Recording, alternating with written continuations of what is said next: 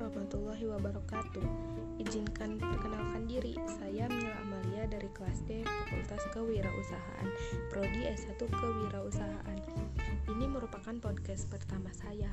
Nah, saya akan memperkenalkan bisnis plan saya yaitu Maktan Food by Lala. Apa itu Maktan Food by Lala? Nah, di dalamnya itu ada bisnis makaroni setan. Kenapa saya mengambil bisnis tersebut? Karena bisnis makaroni tersebut memiliki peluang bisnis yang berpenghasilan tinggi dan bermodalkan sedikit. Sedangkan penjualannya kami berjalan di bidang kuliner dan cemilan. Cemilan kering yang berbahan dasar makaroni dan bercita rasa pedas. Gimana penjualannya? Nah kami menjualnya di e-commerce Shopee dan takeaway tempat